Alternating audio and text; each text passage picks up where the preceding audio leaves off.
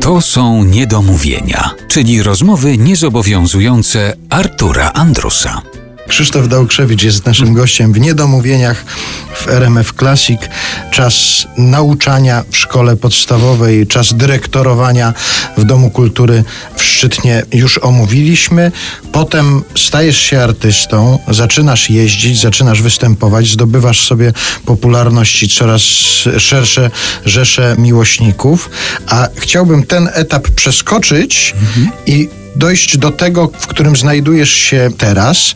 Czy zdarza ci się już, że jesteś identyfikowany jako tata tego słynnego aktora?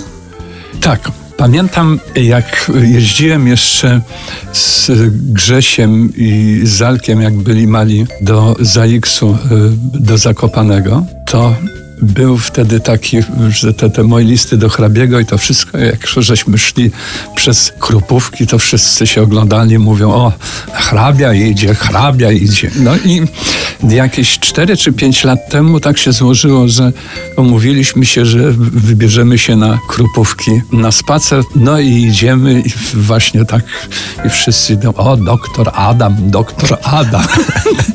Mówię, kurde, jaka zmiana pokoleniowa w tym wszystkim. Chodzisz na premiery teatralne, kiedy Grzegorz gra w teatrze? No obowiązkowo. Ale jesteś zapraszany, czy musisz sobie wyszarpać zaproszenie? Nie, nie, nie, tu nie muszę. To raczej w moim przypadku, wiesz, ja nie cierpię rodziny na moich koncertach. Po prostu z reguły każę im, żeby siadali w ostatnim rzędzie, tak żebym ich nie widział. Bardzo chętnie chodzę na to wszystko, co Grześ robi. Wiem, że już wam się zdarzyło też razem stanąć na scenie, że wystąpiliście razem. To był jakiś stres, była trema czy pewność? Nie. To było w Sopocie. Grześ tam z, zaprzyjaźnił się z takim chłopakiem, który robi akcje charytatywne na rzecz dzieci z niepełnosprawnością i on tam sam parę razy występował i w którymś momencie namówił e, mnie na to, żebym e, w tym wziął udział. Mnie nie trzeba namawiać, szczerze mówiąc. Jak mam trochę czasu, to bardzo chętnie.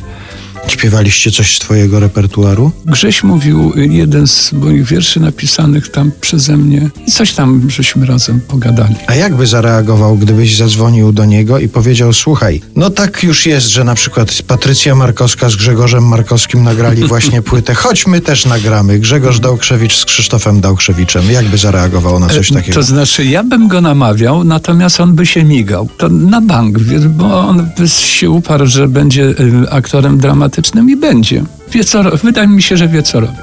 Ale powiem ci historię rodzinną, która właściwie to jest w pewnym... Ja nawet czasami to mówię ze sceny, bo to jest generalnie śmieszne.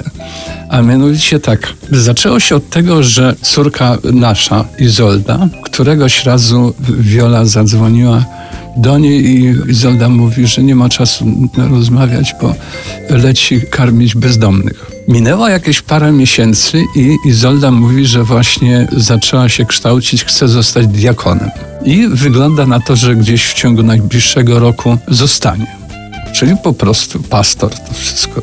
Tu Grześ zaczął chodzić po tych szpitalach. W tym roku, który minął, była wiosna. Coś tam e, dzwonię do Aleksandra, najstarszego syna. Alek mówi, nie mogę z tobą rozmawiać, tato, teraz. A co się stało? Wyprowadzam e, e, na spacer psy ze schroniska. I tak wróciłem do domu i mówię to Wioli. I Wiola mówi, Krzysiek, cośmy im takiego złego zrobili, że po prostu oni poszli w tę stronę. No a żart polega na tym, mówię, że dzwonię do najmłodszego i mówię, Krzysiu, a ty co robisz? A on mówi, wiesz tato, próbuję właśnie zamienić wodę w wino.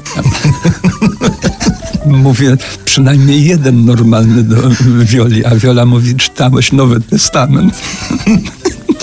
Także w ten sposób powstała żartobliwa saga rodzinna.